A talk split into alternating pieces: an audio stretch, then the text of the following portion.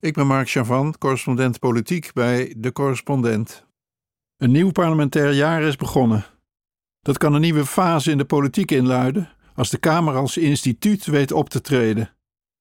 Opent een nieuwe lichting onder aanvuring van Pieter Omtzigt en Caroline van der Plas de weg naar een nieuwe politieke cultuur? Of is Den Haag immuun voor vernieuwing? Daarover schreef ik een politiek dagboek dat ik nu ga voorlezen. Eerst was er het Pieter Omtzigt moment. Toen Wopke Hoekstra schietstoel naar Brussel. Twee uitersten binnen een week. Veelbelovend voor de nieuwe politiek, symbolisch voor de oude politiek. De een heeft jaren in de Tweede Kamer gestreden tegen onrecht en voor zijn overtuigingen, initiatieven genomen, nota's geschreven en nu een partij opgericht die meedoet aan de Kamerverkiezingen van 22 november. Pieter Omtzigt legt zijn politiek kapitaal op tafel. De ander is altijd een belofte geweest in het managementadvies, de Eerste Kamer en het kabinet. Zijn H.J. schoollezing, nu vier jaar geleden, was Wopke Hoekstra's openbare sollicitatie naar het leiderschap van het CDA en, als hij Mark Rutte kon overklassen, het torentje. Het land van morgen, zoals de lezing heette, kwam er nooit. Dankzij Hoekstra liggen het CDA en het stikstofbeleid op apengapen. Maar wel de nominatie als eurocommissaris. Promotie naar de politieke Champions League. Een beloning voor wat? Met het oog op welk strategisch doel? Wie was hem wat verschuldigd? Is hij de beste om namens Nederland de klimaatportefeuille van Frans Timmermans over te nemen voor de resterende periode van ruim een jaar? Wopke Hoekstra's voordracht was een zeldzaam snel uitgevoerde solo van Mark Rutte. Oude politiek van het brutale soort, amper uitgelegd. Het is moeilijk voorstelbaar dat Rutte iets toegezegd kreeg voor over een jaar. Commissievoorzitter van der Leyen gaat daar niet over. Wel zal ze blij zijn met een klimaatkoele christendemocraat aan haar zijde. Zo te zien handelde Rutte keurig volgens de titel van het regeerakkoord. Omzien naar elkaar vooruitkijken naar de toekomst. Minder volgens de geest van openheid en competentie van dat positief getoonzette stuk. Binnen zijn partij wordt Hoekstra's bliksemvertrek gevoeld als een afscheidstrap na voor het CDA. Dit is waarom 60% van de Nederlanders geen vertrouwen heeft in de politiek.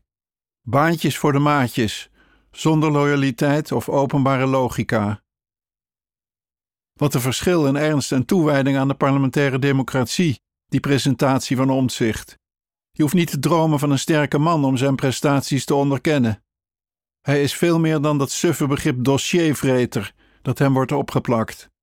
Het is hem al jaren te doen om het herstel van de parlementaire democratie, waarin burgers ook hun rol vervullen. Pieter Omtzigt met zijn nieuw sociaal contract en Caroline van der Plas van Boer-Burgerbeweging zijn de parlementaire gangmakers van het jaar. Beide staan op het punt met aanzienlijke fracties de nieuwe Tweede Kamer binnen te stormen.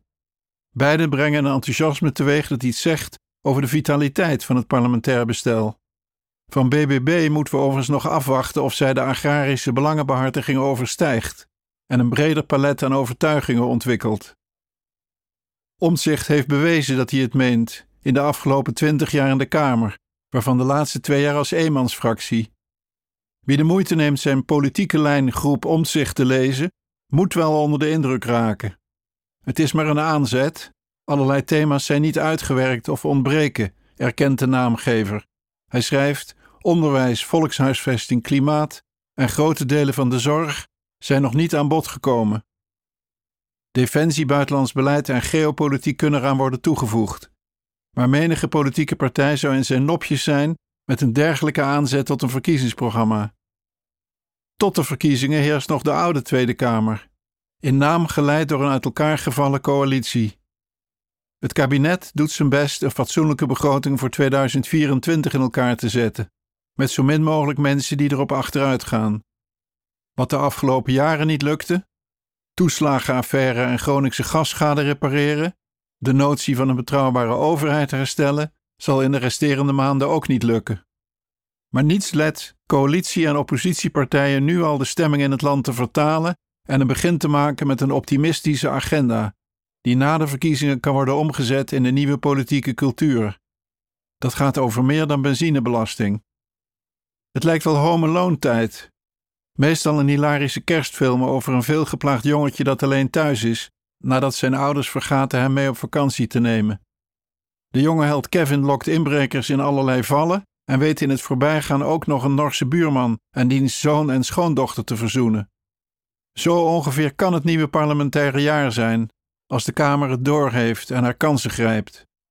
Het laatste kabinet Rutte functioneert nog op een schoen en een slof, maar drie en vier zijn in feite al een paar jaar demissionair. Kamerleden zijn meer dan ooit home alone en de baas, als ze hun verbeelding laten spreken. Zeker sinds de verkiezingen van 17 maart 2021 is het nooit meer normaal geworden in Den Haag. De Kamer, die de rol van de koning bij kabinetsformaties heeft overgenomen, kreeg geen greep op de formatie.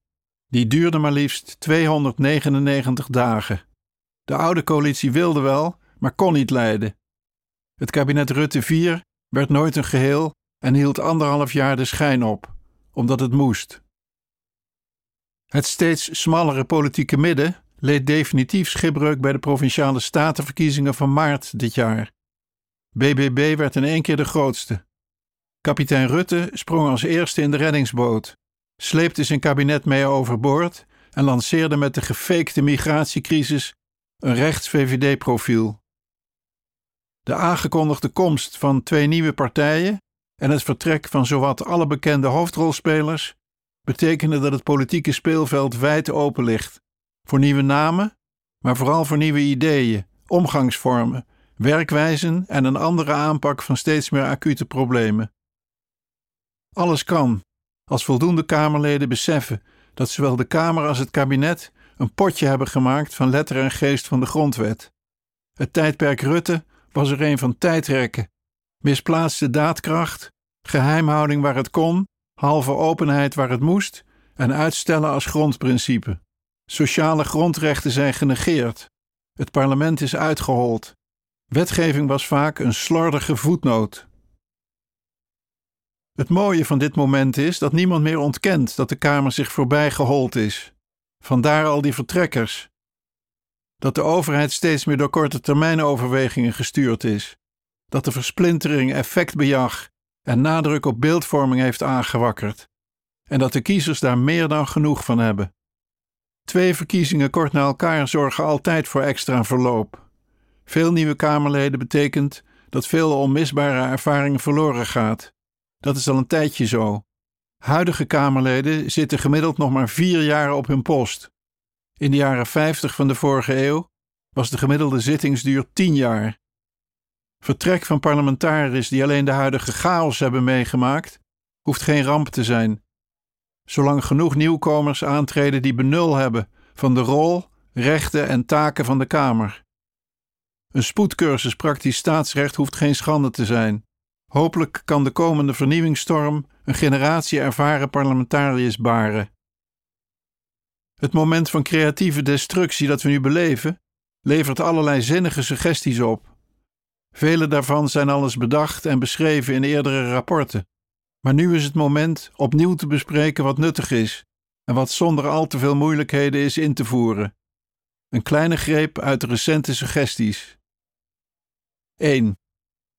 Pieter Omtzigt heeft verschillende voorstellen gedaan om het staatsbestel beter te laten functioneren. Met name de ontspoorde rolverdeling tussen parlement en kabinet heeft zijn volle aandacht, net als die tussen kiezer en gekozenen. Voor een deel zijn wets- of grondwetswijzigingen daarvoor nodig, bijvoorbeeld om in het kiesstelsel ruimte te maken voor regionale kandidaten en om toetsing van de wet aan de grondwet mogelijk te maken. Meer onafhankelijk toezicht organiseren en de deskundigheid laten terugkeren in de ambtelijke organisatie, dat kan nu al. Hetzelfde geldt voor het afzien van het gebruik van niet-openbare modellen bij de beleidsvoorbereiding, een van omzichts speerpunten. 2. Mirjam Bikker van de ChristenUnie en Laurens Dassen van Volt hebben een initiatiefnota opgesteld die de Kamer aanmoedigt zich meer te concentreren op lange termijnbeleid. Bijvoorbeeld door ruimte te maken voor visiedebatten die de toekomst verkennen en beleid op lange termijn uitstippelen. Zij stellen voor de Kamer uit te breiden van 150 tot 250 leden. die kunnen zich dan toeleggen op het mee tot stand brengen van betere wetgeving, onder meer door de leden vroeger te betrekken bij het opstellen van wetten. Jasper Lukkees, hoofdredacteur van het economenplatform ESB, rekent voor dat uitbreiding van de ondersteuning van Kamerleden en Kamercommissies weinig kost en blunders als de toeslagenmiskleun kan helpen voorkomen. 3. Drie medewerkers van het wetenschappelijk bureau van D66 hielden onlangs een pleidooi voor stembusakkoorden, te sluiten door verwante partijen. Doel: de kiezer duidelijker inzicht geven in wat een stem op partij voor type beleid oplevert. Partijen kunnen zo duidelijker hun eigen idealen blijven uitdragen en hoeven niet zoals nu, zonder overgang en op grond van de verkiezingsuitslag, met hun grootste tegenstander in een coalitie onder te duiken. Rutte en Samsom hadden elkaar in 2017 bestreden en werden coalitiepartners, net als Rutte en Kaag in 2021. Stembusakkoorden kunnen direct dit najaar. PvdA en GroenLinks hebben er een begin mee gemaakt. 4. Sarah de Lange, hoogleraar politiek pluralisme aan de Universiteit van Amsterdam, heeft een hernieuwd pleidooi gedaan na de verkiezingen niet te verdwalen in eindeloze coalitiebesprekingen tussen partijen die het op evenveel punten eens als oneens zijn. Zij stelt voor meer ervaringen op te doen met minderheidskabinetten.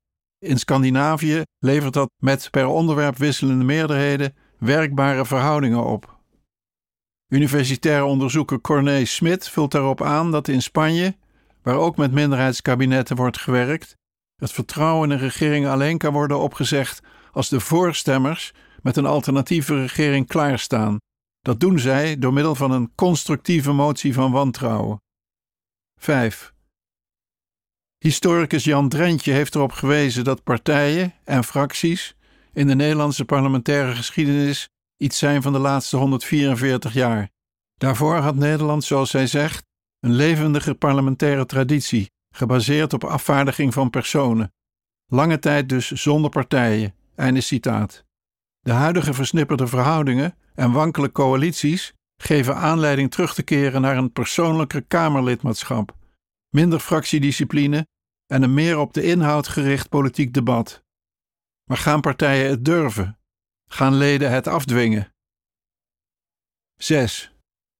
Met de blik op de dagen en weken na 22 november kan aan het lijstje worden toegevoegd dat de Tweede Kamer effectiever de regie moet nemen over de kabinetsformatie. Door zijn centrale procedurele rol had het staatshoofd in der tijd een objectiverende functie bij de totstandkoming van een nieuw kabinet. Hij legde niet zijn of haar wil op, maar droeg wel bij aan de gelijkberechtiging van alle partijen. De haast en hebberigheid van de grootste partij aan de stembus heeft de kabinetsformatie sinds 2012 ontaard tot het quasi-eigendom van de grootste partij. Daar is het landsbelang niet mee gediend geweest. De kabinetsformatie is geregeld in het reglement van orde van de Tweede Kamer. Alleen al gezien de uit de hand gelopen formatie van 2021 is er alle aanleiding om voor de verkiezingen van 22 november het reglement nog eens tegen het licht te houden en er bijvoorbeeld strakkere termijnen in op te nemen. Het zou helemaal mooi zijn als subtiel kan worden vastgelegd dat informateurs bij voorkeur een zekere afstand tot de politieke arena hebben. Zo zijn er ongetwijfeld meer uitvoerbare ideeën om de parlementaire democratie weer voor Nederland te laten werken. De Kamer kan een krachtig signaal afgeven door zo min mogelijk onderwerpen controversieel te verklaren, door te breken met de uitstelroutine en te bouwen aan een nieuw bestel, door ondanks alle verschillen waar nodig op te treden als instituut. Het is de missie van de correspondent om voorbij de waan van de dag te gaan. Onze correspondenten voorzien het nieuws van context en schrijven over de grote thema's van deze tijd. De correspondent geeft me de vrijheid om mijn nieuwsgierigheid te volgen en de tijd om verhalen te schrijven. En zo probeer ik onzichtbare structuren zichtbaar te maken en een andere kijk te bieden op debatten die het nieuws domineren. Dan gaat het minder over het spelletje en veel meer over wat er op het spel staat. Vanaf dag 1 zijn onze artikelen, boeken en podcasts gefinancierd door onze leden. Volg ons op onze journalistieke zoektocht. Overweeg eens lid te worden van de correspondent. En maak daarmee samen met ruim 70.000 anderen onze onafhankelijke journalistiek mogelijk. Dus word lid van de correspondent Ja. Word lid. Word lid.